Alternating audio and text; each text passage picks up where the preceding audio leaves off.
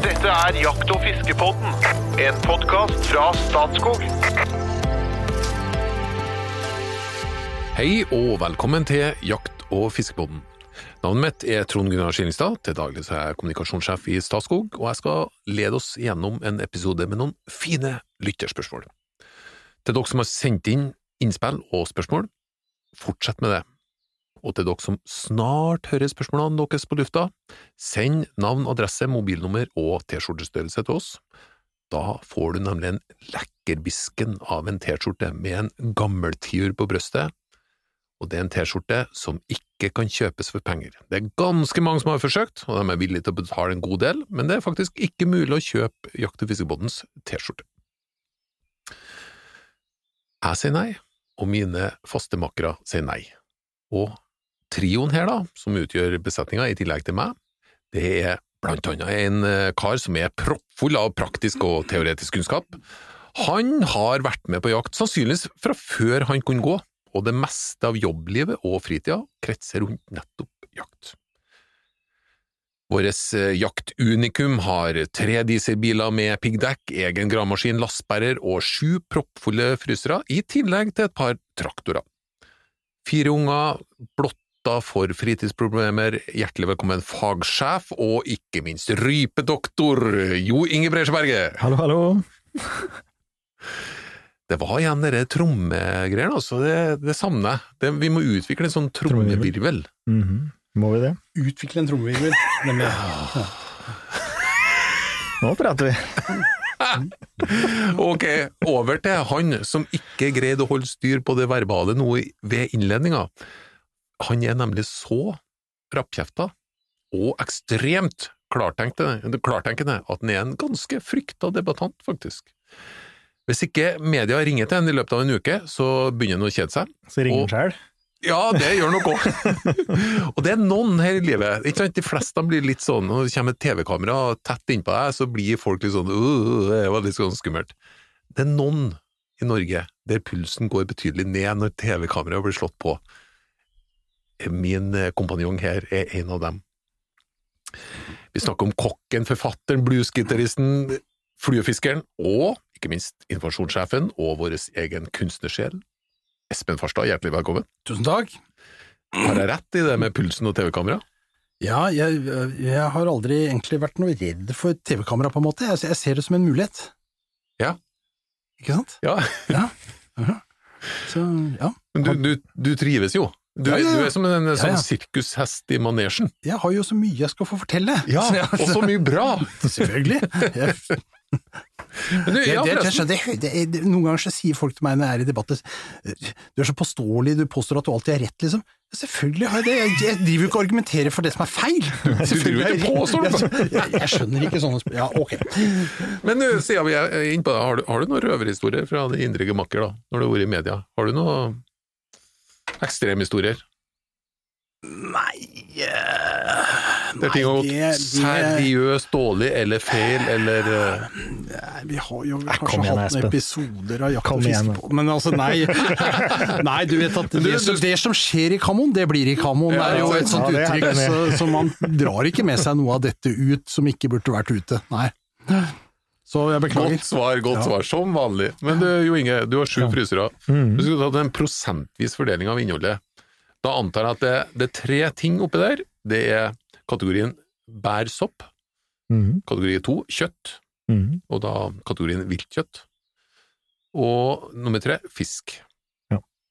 Hvordan uh, tror du den prosentvise fordelinga er? Det er én til sju, da. En sjuendedel i hvert fall, med bær. altså en hel fryser. En sjuendedel? Ja, jeg, jeg, jeg må Mell- få det i prosess. mellom én oh, ja, og to frysere. frysere bare i bær og sepp, ja. Og såpass? Ja. Det er det faktisk. Jeg er ganske ivrig samler, sanker. Eh, og så er det hoveddelen kjøtt, og så er det ja, det er under én med fisk, faktisk, men eh, snaut én av med fisk, ja. Resten kjøtt. Burde være eget program, men hvor lenge kan det ligge? Har, hvordan greier du å holde sirkulasjon i det? Jeg holder sirkulasjon, ja. Og så er det liksom ja, Plutselig skjærer jeg ned en elg for en venn, og da er det greit å ha plass, da. Ikke sant? Ja. Det er slik der, og så forsvinner jo den, da, ikke sant, og så er det fylle på nytt igjen. Mm. Eller det måtte være. Ja. Mm. Men Det er vel eh, sirkulasjon, ja. hvor lenge kan elgen være i frysen? da? Den kan være ekstremt lenge i fryseren. Okay. Jeg har prøvd å spise i elgsteik som både 10 og 15 år gammel, går helt fint. Det er magert kjøtt, ikke noe problem. Nei. Kan ha mange år i fryseren uten problemer. En fisk? Det er litt verre, og spesielt hvis det er feit fisk, da. Og Ja. den blir fortere, syns jeg, da, fortere skjem i fryseren enn eh, kjøttet gjør. Mm. Men det, ja, det er litt fiskeavhengig. Nei, men eh, vi skal gå faktisk rett inn på lytterspørsmål. Vi har fått inn plenty lytterspørsmål. De kommer inn eh, Jeg må jo spesielt fortelle, fortelle det til deg, Jo Inge.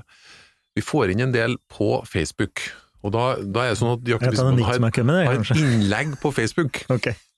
og så ser folk det der, og så kan de skrive under da, og kommentere. Og da er det noen som legger inn spørsmål til Jakt- og fiskebåten under der. Det må man bare fortsette med. Ja. Og du er på en måte på Facebook, for det er en del bilder av deg der. Ja, så vet du det. Men det kommer inn som kommentarer under innlegg på Facebook, eller under innlegg på Instagram, eller man sender melding, Messenger, eller eh, e-post. Jakt- og fiskebåten at statskog.no. Første spørsmål som vi skal ta i dag, det er fra en fast lytter som heter Martin Ek Burud. Han har sendt inn et spørsmål på e-post. Jeg forvalter et skogsfuglterreng for en grunneier. Det er ca. 4800 mål, jakta skal fordeles mellom hytteeierne i hans skog. Det er i dag ca. 20 jegere som skal dele det Dette høres ut som en sånn oppgave. Hvor, hvor mye for ja. Det er i dag ca. 20 jegere som skal dele terrenget.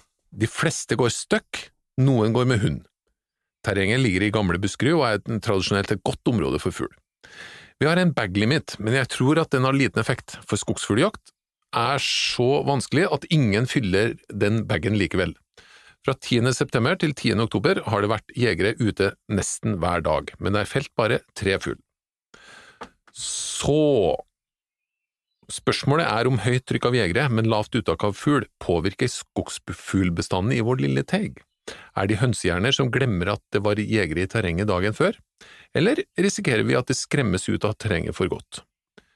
Det er betydelig mindre jakttrykk på naboterrengene, og jeg opplever en synkende tetthet av fugl, men det er kun min synsing og ikke akkurat forskning. Hvordan bør jeg legge opp jakta slik at alle får en god jaktopplevelse med ok tetthet av fugl?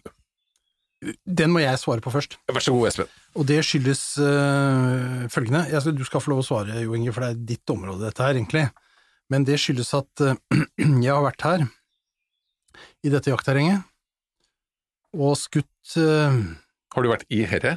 Vært i det Å Oh, ja, å ja. Skutt tre fugler. Og, og skutt Nei, jeg har ikke det, men, jeg- men jeg skjøt ei voksen røy som kanskje ikke var anbefalt i et terreng med litt øh, hardt press og tynn bestand, da. Eh, Men øh, Og øh, så, så jeg, jeg, jeg føler at jeg er eh, inhabil i denne saken, og, og trekker meg svakt tilbake. Medskyldig! Nettopp. Nei, en skulle begynne her eh, jakttrykk og uttak, hva en skal gjøre om de fletter, altså. Ja, det er jo litt sånn flere spørsmål her, da. Ja. uh, Altså, det hørtes I utgangspunktet så høres det ut som det var nok jegere der, da. Hvis alle jakter samtidig, så ville det være mye. Noen og 20 jegere på 4800 mål samtidig. Nei, Det, fordeles, det fordeles så Ja, du får hver, det, da. hver sin dag eller helg, liksom. Ja, for, for i utgangspunktet er det mer enn nok. Når vi eh, på Statskrudd, når Statskog, eh, legger opp jakt, så skal vi ha ca. 2000 dekar bak hver jeger, har vi. Og noen ganger så går det litt under det, da, men det er like en tommefingerregel. Ja. Det det er omtrent det du klarer å dekke på en dag, da. Slik at det egentlig skulle være plass til to jegere i dette terrenget av- ad gangen. Ja, Ja. To-tre jegere, ja kanskje tre, da, om Ja. gangen. I det terrenget, ville jeg ha sagt, da, ikke sant. Og så er det tydeligvis da gjort noen fordeling der, da. Og så om det jakttrykket er for høyt, ja, det er selvfølgelig det er mange, da, om beinet, men hvis de har skutt tre fugler på 4800 mål, det er jo ikke spesielt mye i utgangspunktet. Eh, Selv på en tynn bestand så er ikke det nødvendigvis mye, da, altså gitt uh, hvor mye areal det er bak. Men uh, det er jo Han veit jo ikke noen ting om bestanden her, da. Det viktige er jo hvor mye uttaket er av en eller annen totalbestand, selvfølgelig. Så det ville jo gjort en del om han hadde hatt noe takstresultat, eller noe som kunne, ha- kunne anslå bestanden sin. I det Mm. minste vært på leik der om våren, for eksempel, og telt stamfugl, og, og så hatt en formening om hva han hadde, men har gjort en høsttaksering, da. Så ville kunne sagt ting om det her jakttrykket er for høyt eller ikke. Ja. Og i den grad fugler trekker ut, altså de, de kan jo si at de er eh, enkle i huet, Mm. men eh, de har jo ett mål i, to mål i livet. Det ene er å overleve, og det andre er å formere seg sjøl, da. Sant? Og det er klart, det, hvis de blir tatt opp og presset, så vil de jo skjønne hvor de kan være i fred. Det skjønner de ganske kjapt. Og hvis de overalt blir presset, så vil de ha trukket ut. Men det vil alltid være noen steder i terrenget der det ikke jegere går. Og det tester på ryper, for eksempel, med radiosender Ja. i et område, var for å se et jaktprosjekt. Prøvde å Jegere skulle dekke hele terrenget med hund. Lå i hytte, for eksempel, midt i terrenget, så skulle de gå ut ifra en hytte og så dekke. Og jakte så mye de kunne, da, i 14 dager. Og da, etter 14 dager, så satt jo rypen da i de områder der ikke jegere gikk, som det var gaupeterreng, eller altså vanskelig å komme til, eller om det ikke regner med at det var fugl der, ikke sant. Det hadde de jo ganske fort skjønt, da, enn de fikk være i fred. Det ville jo skogsfuglene gjøre òg. Men de vil jo ikke rømme der, altså de har jo sitt hjemmeområde. Det er en grunn til at de, de er der, de er født der og er i reviret. Det er jo hovfugler da, på hønsefugl som trekker ut, og så hannen blir att i sitt nærområde der den er født. Mm. Men eh, de vil jo ikke rømme terrenget, det vil de jo ikke. Så det er, ikke noe, det er ikke så sannsynlig at de er forstyrra så mye her at de har gått til andre områder. Nei, det vil være for en kort periode i så fall, da. Ja. at du presser dem en kort periode, og så vil de jo komme tilbake, da. Så, Mm. så er det nok ikke at den har tømt terrenget. Og så vil du jo stort sett bejakte på naboterrenget, da. Så hvis, du, hvis ett terreng skulle tømt, så ville du fått påfyll fra andre terrenger. Så det vil jo jevne seg ut etter hvert, da. Ja. Men de, de har jo sine måte, revir, da, hjemmeområder, som de vil være i. Så skal litt til å fjerne dem ifra det. Laksen vender tilbake til si elv, tiuren ned i sitt område. Ja. Så nei, så vi kan ikke gi noe fasitsvar på det, men én ting er da hvor mye jakt du tillater, og så om den jakta betyr noe, da må du ha målt det, da, først, så du veit Ja. du har noe å måle mot, da tre, uttak av tre fugler på et såpass til terreng eh, i en sånn periode, det er lavt. Ja, Det høres ikke spesielt høyt ut, det må Nei. jeg si. Nei. Men det er jo, det er jo Sett, ikke noen tetthet, da, i, ja. i et uh, middels år, sånn, så er fem fugler, storfugler per kvadratkilometer. Et bra år, kanskje 10-15, opp i 20. Det har skjedd at vi er over 20 år, men 10-15 fugler per kvadratkilometer. Men 10, da, ganger med 4,8, 50 fugler, og så tar du 3 det er jo ikke spesielt farlig, det. Nei. Mm, 6 mm. Ja. Ja. Nei, men eh, Ja, jeg hører jo flere ting, da. Det, det, det at det ikke blir Det er ikke sannsynlig at uh, fuglen blir drevet ut av området på grunn av jakt. Altså, han, han kan flette seg lokalt en periode, Ja. og så tilbake. Uh, og så hører jeg at det kan være en god idé å på en eller annen måte estimere bestand. Mhm. Kanskje gå sammen med naboer og, og Men en Fins det andre ting? Altså, vi har jo vært mange ganger inn på predatorjakt, for eksempel, men finnes det tiltak man kan gjøre for å øke bestanden? På skogsfugl? Ja. Ja, eh, det er jo i all hovedsak predasjon, som, altså som dør til at han blir predatert. Vi er en predator. Eh, vårt uttak kan vi gjøre noe med. Uttaket fra rev og måre er vanskelig å gjøre noe med. Eh, og særlig da på et terreng som er 5000 dekar, skal du gjøre en forskjell der, når reven har et stort temaområde. Eh, ikke nødvendigvis noen eh, quick fix, da. Det er det ikke. Det å begrense predasjon er ikke nødvendigvis noen enkel greie. Nei. Eh, ja, så nei, det er, det er en kortversjon er at det er ikke noe fælt enkelt, da. Gjør noe med. Mm. Mm. Nei, eh, han hadde tilleggsspørsmål. Det var Gummiagn er i vinden som aldri før. Men de kan da umulig være bedre enn Sølvkroken spesial i kobberrød. Spør for en venn, for jeg fisker kun med flue. Kan gummijagn eh, være hot? Ja, vi har jo hatt besøk av eh, sportsfiskkonsulent Sondre her, som fortalte oss litt om gummiagn og den effektiviteten som kan ligge i det. Det er helt opplagt at det kan det. Eh, Så, så um, her må jeg si til eh, Martin at eh, her sto det litt gammel i panna på deg. Du må, her, må du, her må du våkne opp og snu deg rundt, det er klart det kan være effektivt. Men altså, fordelen med en, eh, en Sølvkroken eh, spesial, eh, fiska i et fjellvann etter ørret, for det er liksom det vi snakker om her, da skjønner jeg, det er jo at den er utrolig enkel å bruke. Du bare mæler den ut midt ute på vannet og sveiver inn, og er det ikke noe der, så mæler du den i en annen retning. Altså, det er jo utrolig, altså, det er effektivt, rett og slett. Så det, det, det er det, men det er klart at gummian kan, kan også funke veldig bra. Jeg har en eh, mistanke om at Martin, Martin også hadde en mistanke om at gummihagen kunne være bra. Ja, jeg mistenker også at Martin eh, kanskje gjør det, men han er flyfisker, og jeg mistenker mye med Martin, men vi lar det være med det! vi liker jo trofaste lyttere, da. Absolutt. Vi skal ta et lite tilleggsspørsmål her nå, på, fra ja, Sander heter han i hvert fall. Sander understrek Mikk.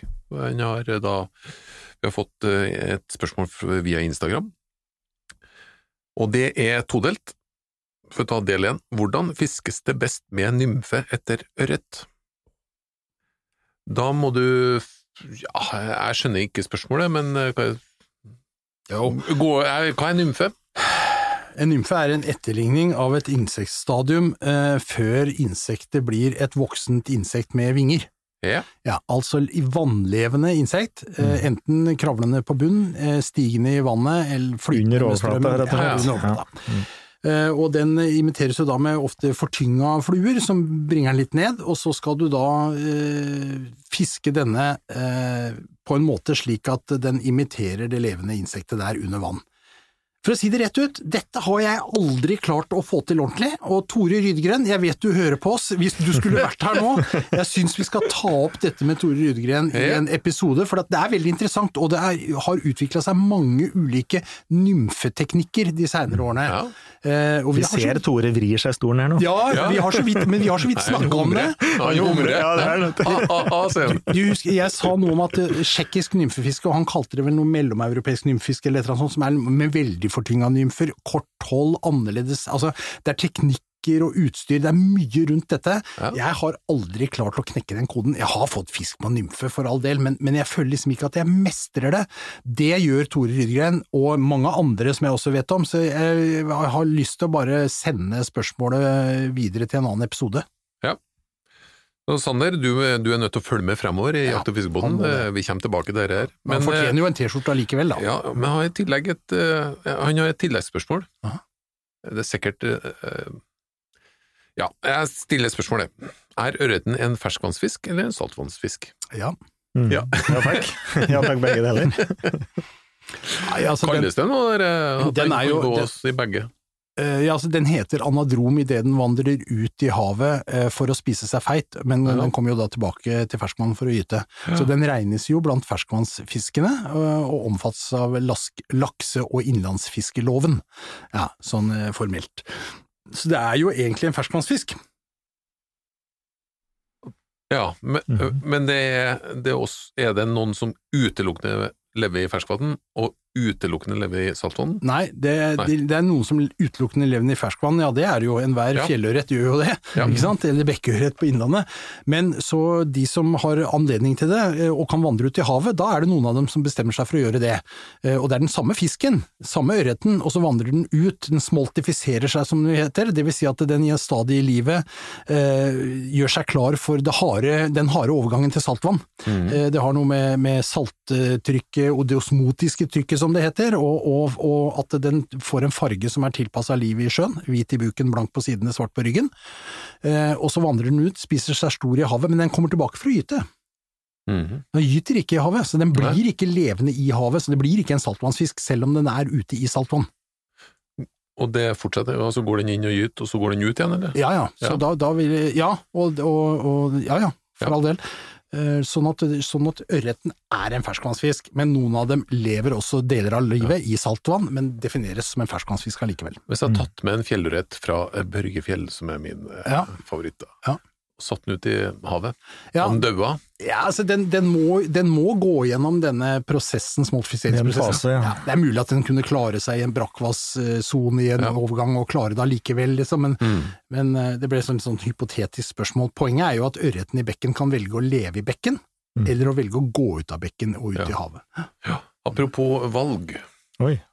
Er klar for valgets kval?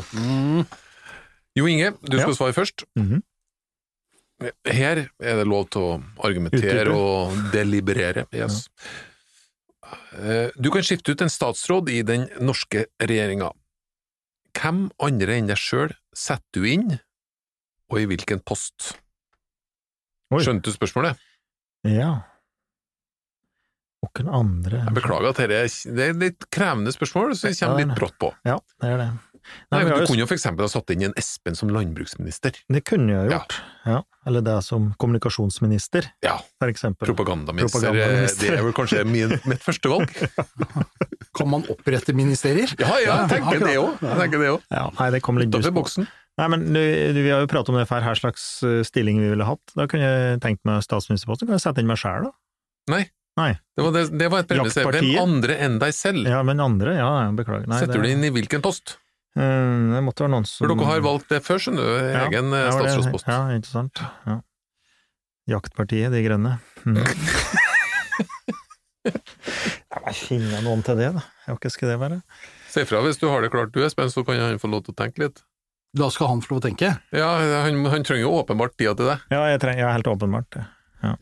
Ja, nei, altså jeg, jeg for å være litt seriøs på det, da, Ja, for det skal jeg være, det være. så ville jo jeg hatt en ministerpost som hadde ansvaret for en helhetlig naturtenking. Setter du inn deg sjøl nå igjen? Nei, jeg har ikke kommet så langt Nei, til hvem det altså, er, men jeg okay. vil først definere posten. Ja. og jeg vil ha en helhetlig naturminister, og jeg føler at det, denne ministeren skal ha ansvaret for ikke bare naturen, men også norsk næringspolitikk.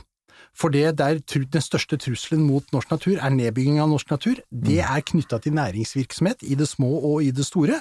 Så hvis jeg skulle velge, så skulle jeg hatt en som hadde et overordnet ansvar for å tenke naturens sak i dette. Vi har en næringsminister, eller vi har flere, ikke sant? Og vi har også en klima- og miljøminister, men der er det ikke nok kraft, dessverre. Så jeg skulle ønsket meg altså en naturminister med et overordnet ansvar. En slags eh, første etter statsministerpost, Ja. skjønner? Mm. Nærings-, landbruks- og naturminister. Kan du godt si, men, men, men man skal ikke ha næringsansvaret for næringen, han skal ha ansvaret for naturen. Var det som var Ja, poenget ja, mitt? ja, ja, skjønte. nettopp. Mhm. Ikke? Men Ja. kunne påvirke Hvem det skulle være? Ja. Ja. Nei, altså vi, skal, vi kunne velge mange, men altså, da skal jeg, ta, så skal jeg bare ta en sånn eh, Vet du, vi hadde, vi hadde en gang en gjest i Jakt- og fiskepodden som jeg syntes var veldig reflektert og flink på akkurat dette her. Det var Ragnar Kronstad. Husker dere henne? Yes, yes. Ja. yes. Der hadde du en som hadde det lange blikket på dette her, vet du, og et fornuftig blikk på det også. I tillegg så ser jeg at hun på Facebook stadig driver og poster at hun har vært ute og skutt øh, store hjortevilt, så hun jo hun, hun har jo skjønt det. I vår gate. Ja. Så bare for å nevne en. Nei, Eh, hvordan kom- går det der borte, Ja, Jo kom, Inge? jeg kom ikke på noen i det hele tatt. Jeg tenker den er ikke nødvendigvis funny heller, den personen. Som, eh, men kunne jo være i, i den gata som Espen ser, et overordnet eh, blikk på naturen. Det kunne jeg være med på. Men hvem person skal være, det har jeg faktisk ikke Nei, Kan jeg, nå skal jeg gjøre noe helt uhørt, nå skal jeg bryte inn i den rekka der sånn, og komme med limerick. Midt inni! og komme med limerick. Ja, men det må jeg- det- ja, nei, Du har ikke grunn til det, bare slapp av, det går bra. Det går bra, Trond Gunnar. Nei, det er rett og slett fordi at eh, det er jo typisk jo ingen, han, han blir litt satt til veggs her nå, men, men det er jo ingen som er så gode til å gi, gi gode tips på jakt, når vi kommer til jaktsida, liksom. Nettopp, absolutt. Og det er det, det det det handler om. Det var derfor det var innsmetten kom. Den heter Repeterende jegertips, denne her. sånn. Vær så god, Espen. En statsansatt jeger fra Våler jakter eldst på gummistøvlesåler. Men send ham penger på VIPS så få hans beste jegertips. Avstandsmåler, avstandsmåler, avstandsmåler.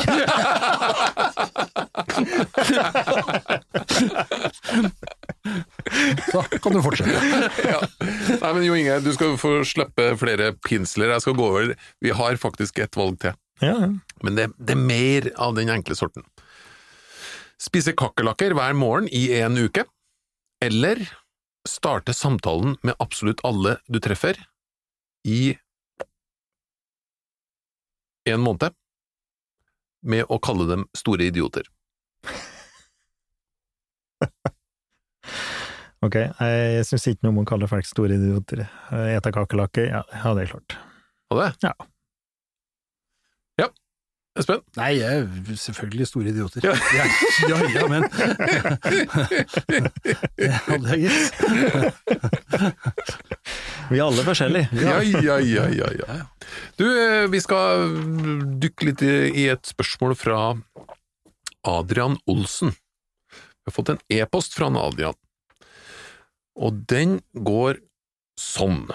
Jeg kunne tenkt meg å jakte råvilt, som for eksempel rev og kråke. Det jeg lurer på, er hva folk gjør med slaktet, som blir igjen etter at skinnet er tatt, for jeg ønsker ikke å spise det.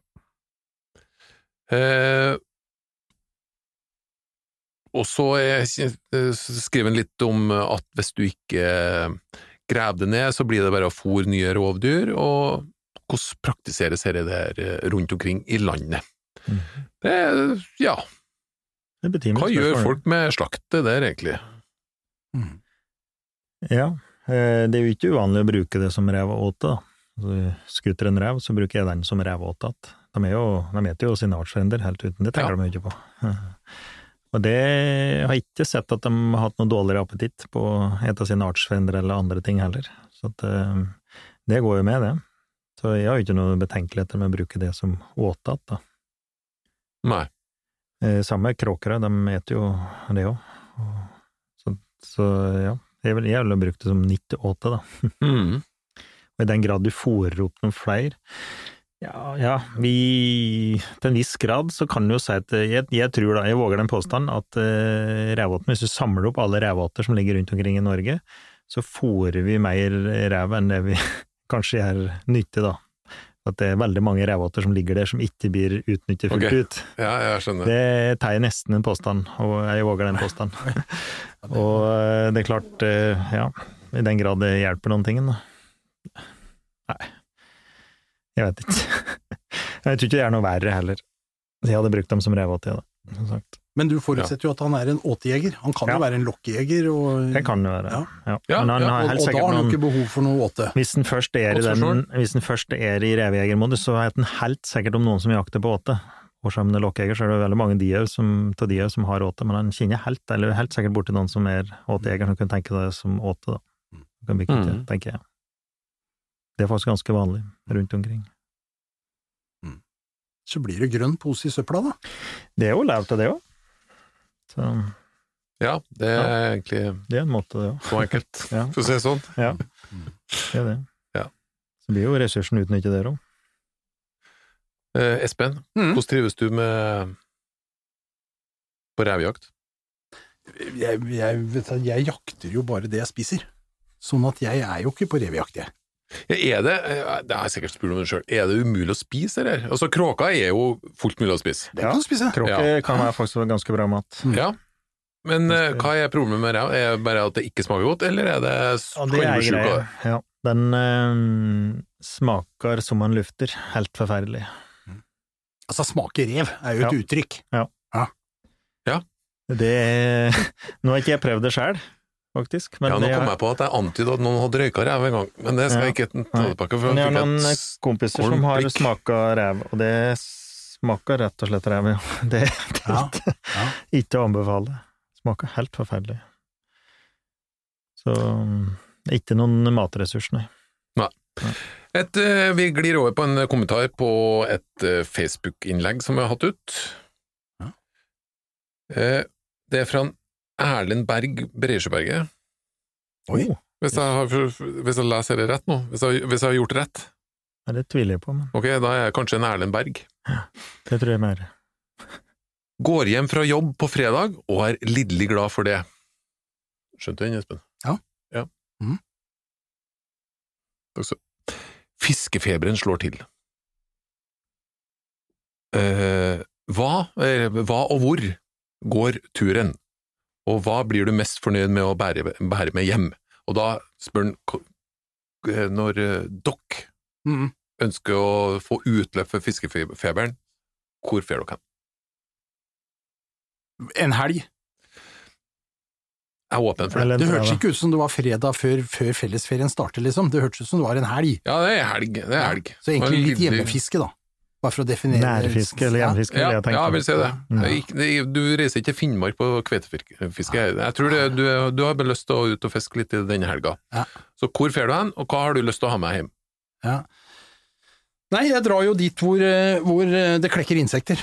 Det er det, det er det korte svaret, eh, og det kan jo være litt sånn eh, Avhengig av når det er. Altså Er det etter i mai-juni, så forsvinner jeg inn i skogen i lavereliggende strøk, tar med meg kanoen min og kanotralla, padler inn eh, og fisker ørret med flue.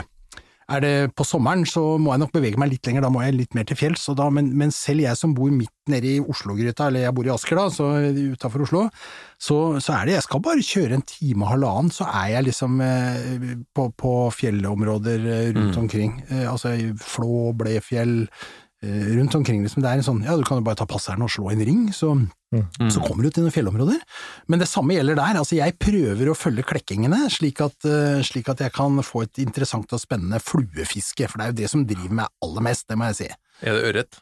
Ja, nå er det, nå er det ørret vi snakker om, ja. Ja, ja. Og, så, og hadde du spurt meg en, en, eh, om det var en dag i april, ja nei, da er det sjøørret som gjelder, og da vil jeg liksom, så Det kommer an på når dette er. Ja. Men jeg, jeg er jo litt drevet av den der fettfinefikseringa, jeg må innrømme det, altså ørretfiske. Og det, er, og det, det slår jeg meg sjøl på kjeften på mange ganger, at det er teit, det skal jeg ikke ha. Jeg skulle vært litt mer allsidig som fisker. Jeg vet jo at det er spennende og morsomt å fiske andre fiskearter også.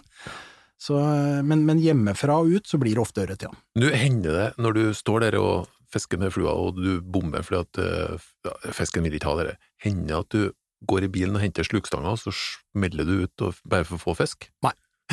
Det, det gjør jeg egentlig ikke, altså. Jeg prøvde jo! Nei, svaret er nei. Men, men, eh, men, ja, men det var jo helt feil utgangspunkt på spørsmålet. Det hender vel egentlig ikke at fisken vaker at jeg ikke får den. Ok. Jeg pleier å si til ørreten hvis du viser deg, så er du daud. Ja. Tre corner mål. Ja, fluefiske etter ørret er nok ikke kanskje det jeg vil tro du lander på umiddelbart, men uh, Nei, få høre fra deg, da. nei, en fredag slik oss nå, da vi tenker hjemmefiske òg, eh, nærfiske. Vi har jo vi har ganske mange bra vann med stor ebber og stor gjedde, så det ville jeg ha tenkt på, da. På en slik hjemmefiske, nærfiskegreie. Og så med båt, og enten i et vann, som er, huset store stor ebber eller eller i elva. Glomma eller Fliseelva, for eksempel. Eh, dorger litt, og stopper også fisker da aktivt, da, med jigg eller eh, det måtte være. Og det kan, kan anbefales, det. Ja, men gjedda, tar du med hjem, eller? Nei, det er stort sett på våren og, og tidlig på, da tar jeg dem hjem igjen, og de største setter jeg nå ut igjen, da. Ja. Mm. Hvis du tar med abboren hjem, hva gjør du videre med den? Koker du den i den? Jeg steiker den, ja. Steker. ja. skal. Men det er ikke de største, de er slutt å ta de òg. Vi skal faktisk gå ned for landing, vi har allerede kommet til veis ende. Vi skal ha en selvfølgelig en hot or not, men før det, kjære lytter, bidra gjerne til å gjøre Jakt- og fiskebåten enda mer eh, kjent. Vi ønsker å inspirere eh, verdens befolkning, i hvert fall Norges befolkning, til å, å benytte seg av herlighetene i hvert fall. Ja, ja, ja. Herlighetene i norsk natur. Vi er klar for hot or not, og den som svarer først, det er Espen Farstad. Mhm. Delfiakake, hot or not? Ja, hot. Nei, not. Cowboyhatt, hot or not? Not. Uh, hot. Sixpence, hot or not? Ja, hot. Ja, ok, hot, da. Ah, ja. Nyplata til ABBA, hot or not? Not. Eh, Not. Fra DDE-albumet Jippi, låta Kyss meg, kyss meg, kyss meg, hot or not? Nei, not. Hot fra begge to. Takk for følget, og hjertelig velkommen tilbake neste fredag.